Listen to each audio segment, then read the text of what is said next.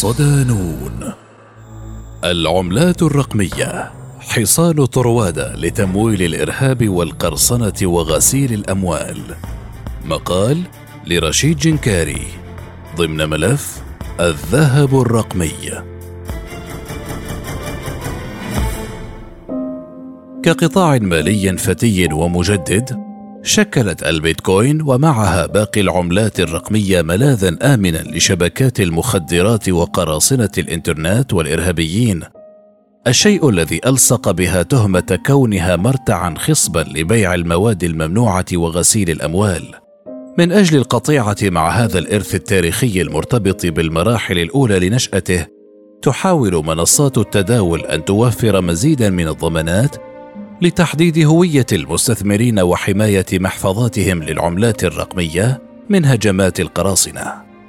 فالبيتكوين والعملات الرقمية ملاذ آمن لشراء وبيع المنتجات والمواد الممنوعة بشكل أيسر وضمان عدم كشف هوية البائع والمشتري.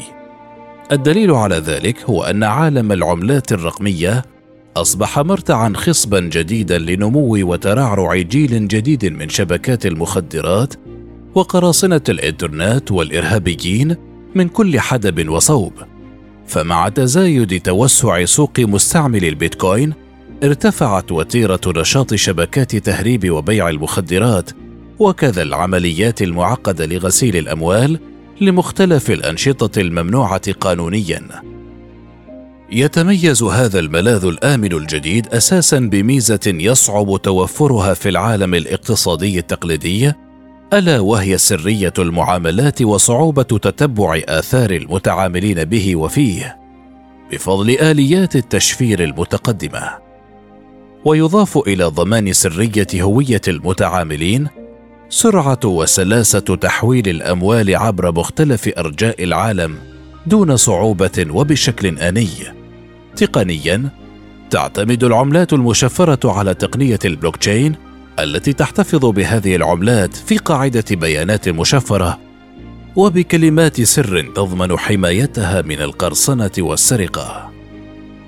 داعش قضية ديكي كود وكيبلرك. منذ مطلع سنة 2010 التي بدأ فيها تطور سوق البيتكوين دأبت منظمات مافيا المخدرات والقراصنة والحركات الإرهابية على استعمال مختلف تطبيقات بيع وشراء العملات الرقمية عبر العالم سواء لتبييض الأموال أو تمويل العمليات الإرهابية وذلك بعيدا عن القنوات المالية البنكية التقليدية المراقبة دوليا. فعلى سبيل المثال اندلعت قضية ديكي كود وكيبلرك في فرنسا بشهر سبتمبر أيلول 2020 بعد توقيف 29 شخصا بسبب الاشتباه في مشاركتهم في شبكة لتمويل تنظيم الدولة الإسلامية داعش عن طريق شراء قسائم بيتكوين.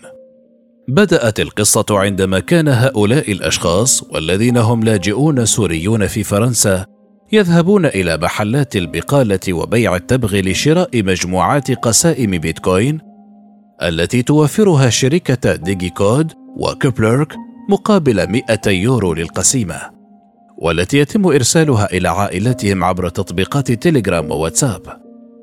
بعد تحريات الشرطة القضائية الفرنسية تبين الأمر أن قسيمة البيتكوين المرسلة مبدئيا إلى عائلات اللاجئين يتم استعمالها من طرف نشطاء تنظيم الدولة الإسلامية داعش الذين يقومون بتحويل البيتكوين إلى الدولار في تركيا.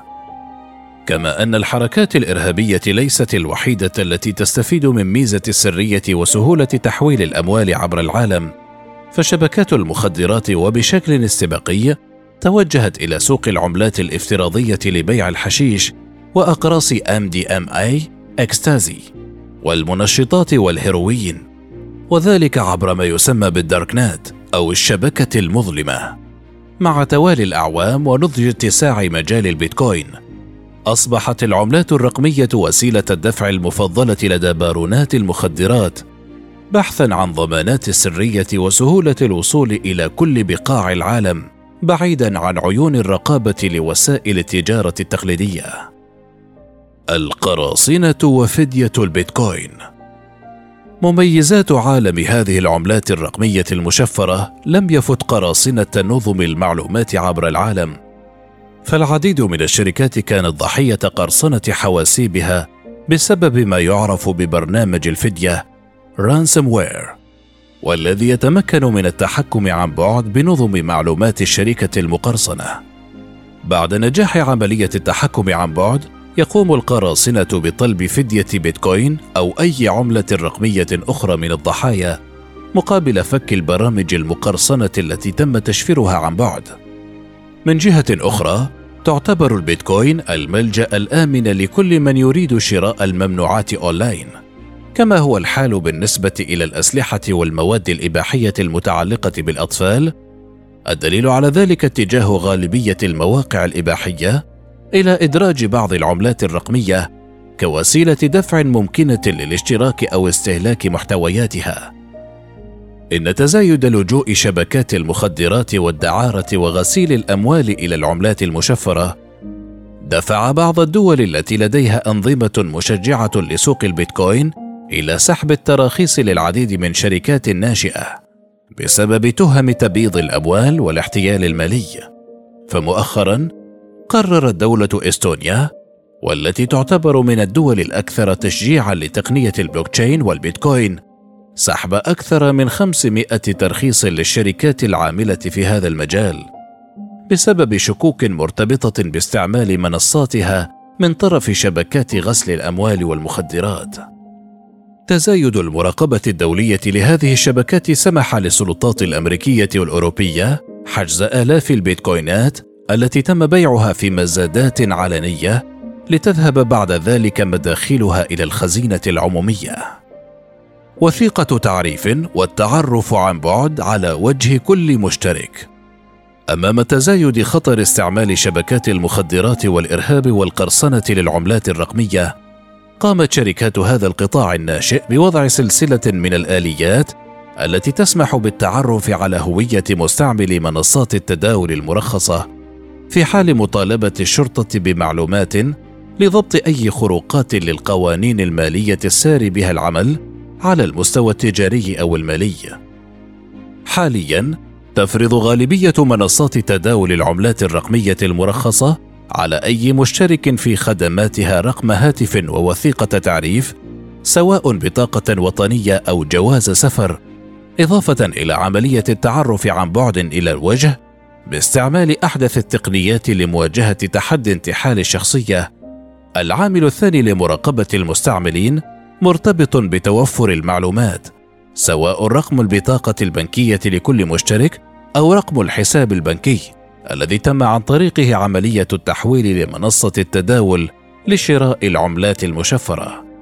من جهة أخرى تستثمر كبريات منصات التداول بقوة في تأمين مواقعها الرقمية ومنصاتها وذلك لتجنب العواقب الوخيمة لعمليات سرقة العملات الرقمية لمشتركيها من طرف شبكات القرصنة الدولية المتخصصة في هذه العمليات التقنية المعقدة ولتحدي تحديد هوية المشتركين وحماية استثماراتهم من هجمات القراصنة يضاف شرط الالتزام بالقوانين والتشريعات الخاصة لكل دولة من طرف منصات تداول البيتكوين. هذا التحدي الذي يبرز مدى قوة هذا القطاع المصرفي الناشئ. نظرا إلى نجاحه في تجاوز كل هذه الإكراهات ليوفر إمكانية التداول بسهولة وشفافية وبشكل آمن عبر عشرات الدول عبر العالم. رغم كل هذه الضمانات ليس من السهل الاستهانة بشبكات المخدرات والقراصنة والحركات الإرهابية وقدرتها على إيجاد حلول جديدة للاستفادة من ميزة السرية وعالمية العملات المشفرة لتصريف موادها الممنوعة وغسيل الأموال.